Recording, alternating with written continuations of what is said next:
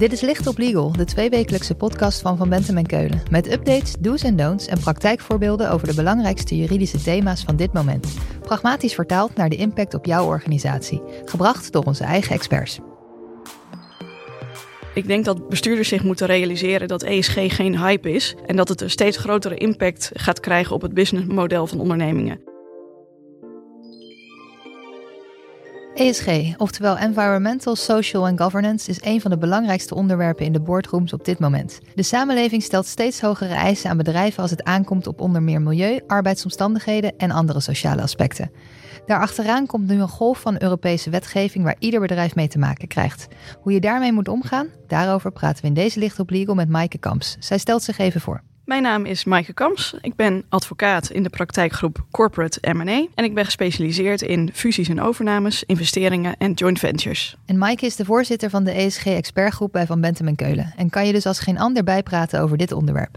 Maaike, het zal de meeste mensen niet ontgaan zijn, maar toch nog even. ESG, wat is dat? ESG staat voor Environmental, Social en Governance. In het Nederlands milieu, mens en maatschappij en goed ondernemingsbestuur. Het wordt gebruikt bij het meten van duurzaamheid van organisaties. Uh, want steeds meer organisaties voelen urgentie om uh, iets te gaan doen met duurzaamheid. Dat komt onder andere door alarmerende berichten over klimaat en misstanden in de kledingindustrie bijvoorbeeld. Uh, consumenten worden ook kritischer en beleggers. En dan heb je ook nog een hele hoop rechtszaken, zoals de klimaatzaak tegen Shell. En dat gevoel van urgentie dat wordt versterkt door steeds meer en strengere wet en regelgeving. Uh, bijvoorbeeld de Europese Commissie, die zijn daar erg mee bezig. Zij hebben bijvoorbeeld de Green Deal en Fit for 55 met een hoop nieuwe wetgeving voor bedrijven. Want de gedachte is dat bedrijven veel invloed hebben op ESG en daardoor ook medeverantwoordelijk zijn. Ja, een beter milieu begint bij jezelf, wordt nog wel eens gezegd. Maar het inzicht in Europa is dat de verantwoordelijkheid toch vooral bij de grote corporates ligt. Daarom komt er dus een hele hoop nieuwe wetgeving aan op Europees niveau. Wat zijn de belangrijkste? Ja, de belangrijkste dat zijn de CSRD en de CSDDD. Ik zal ze even toelichten. De CSRD staat voor Corporate Sustainability Reporting Directive. En die vraagt van ondernemingen, de grootste, om te rapporteren over ESG. En dan niet alleen over zichzelf, maar over de hele waardeketen waar ze in zitten.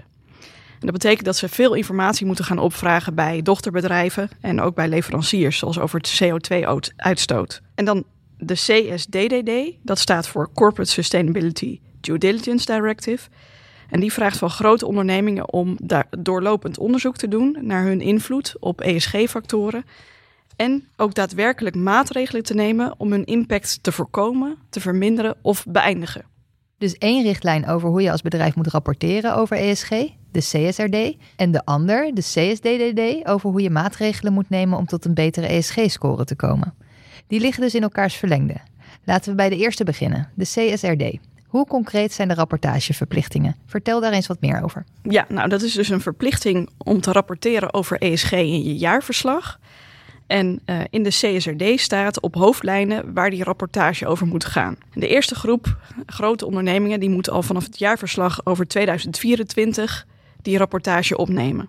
En vervolgens worden die precieze vereisten, wat er in die rapportage moet komen te staan, uitgewerkt in de ESRS, de European Sustainability Reporting Standards. En daarin staat heel gedetailleerd beschreven hoe je bijvoorbeeld moet rapporteren over CO2-uitstoot of over kinderarbeid en het voorkomen van corruptie. Oké, het zijn dus concrete regels. Vroeger bleef het namelijk altijd bij één kort paragraafje in het jaarverslag. Maar nu moet dat dus uitgebreid en concreet worden uitgewerkt. Klinkt als een verademing. Ja, dat zou je denken, maar het is een document van bijna 300 pagina's en die zijn niet zo makkelijk te doorgronden. Je moet je voorstellen als je aan het hoofd staat van een grote groep met dochterondernemingen en joint ventures met allerlei handel in het buitenland, dan is het nogal een puzzel hoe je die 300 pagina's moet gaan interpreteren. En het is ook een enorme uitdaging uh, om de juiste informatie boven water te krijgen uit je hele waardeketen. Dus bijvoorbeeld ook de CO2-uitstoot van die fabriek in Bangladesh. Ja, bij grote ondernemingen is dat lastig. Is daar duidelijkheid over? Tot hoever moet je terug de keten in? Nou, dat is inderdaad niet uh, helemaal duidelijk. Daar zijn nog heel veel vragen over hoe je dat precies moet interpreteren. Ga je echt helemaal terug naar het begin? Of reik je tot zover ver jouw invloed reikt?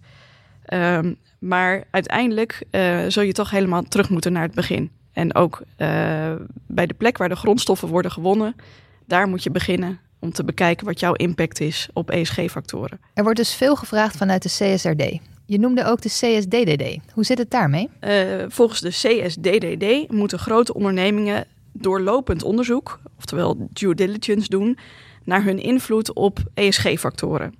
En ook die van de partners waar ze mee samenwerken. En uh, het verschil met de CSRD is dat ze ook daadwerkelijk passende maatregelen moeten nemen om hun impact uh, te voorkomen, te verminderen of te beëindigen.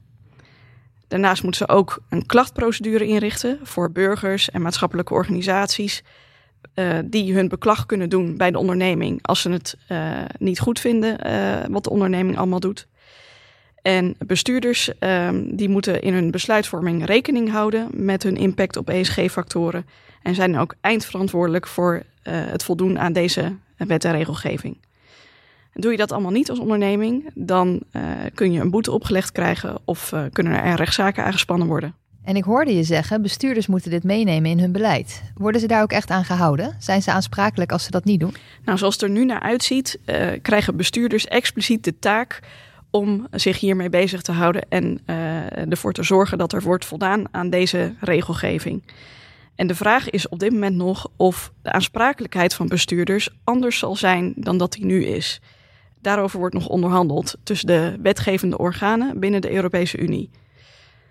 Um, dat gaat dit najaar plaatsvinden en uh, er wordt naar gestreefd om voor de volgende Europese verkiezingen in juni volgend jaar een definitieve tekst van de CSDDD vast te stellen. Vervolgens heeft Nederland nog twee jaar de tijd voor implementatie van deze wetgeving. Precies, dus zo rond half 2026 moet je je aan de CSDDD gaan houden.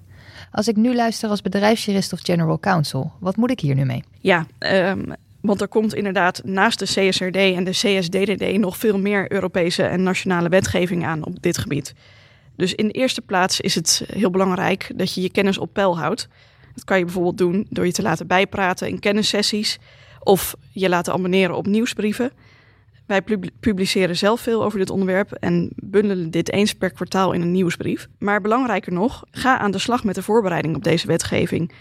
Want ook al is de wetgeving nog niet definitief of hij is misschien nog niet van toepassing op jouw onderneming, um, uh, aandeelhouders of financiers of klanten die zullen ook informatie bij jou gaan opvragen.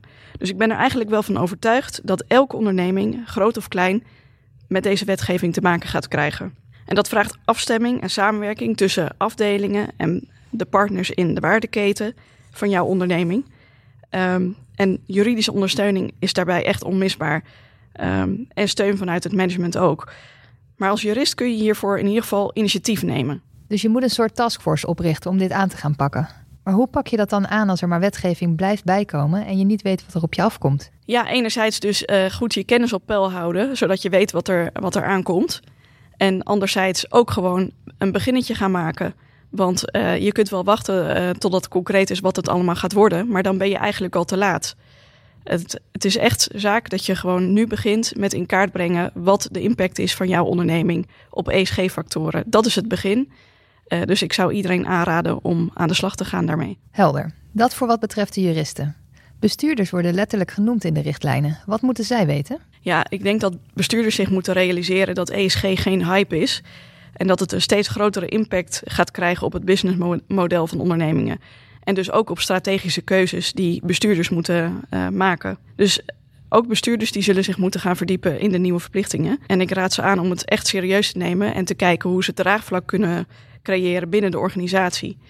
En ik denk dat je dat niet moet doen door afvinklijstjes uh, voor te leggen, maar dat je echt de organisatie, zoveel mogelijk mensen in de organisatie zelf laat meedenken over wat nou eigenlijk een toekomstbestendig businessmodel is voor de onderneming waar jullie met z'n allen in zitten. En dan gaat het onderwerp denk ik ook leven en dan krijg je mensen ook beter mee in de administratieve last die er helaas ook bij komt kijken. Inderdaad, als je het echt incorporeert in je strategie en missie en visie, dan gaat het vanzelf leven bij mensen in je organisatie. Als er nou één ding is wat je moet onthouden van deze podcast, wat is dat?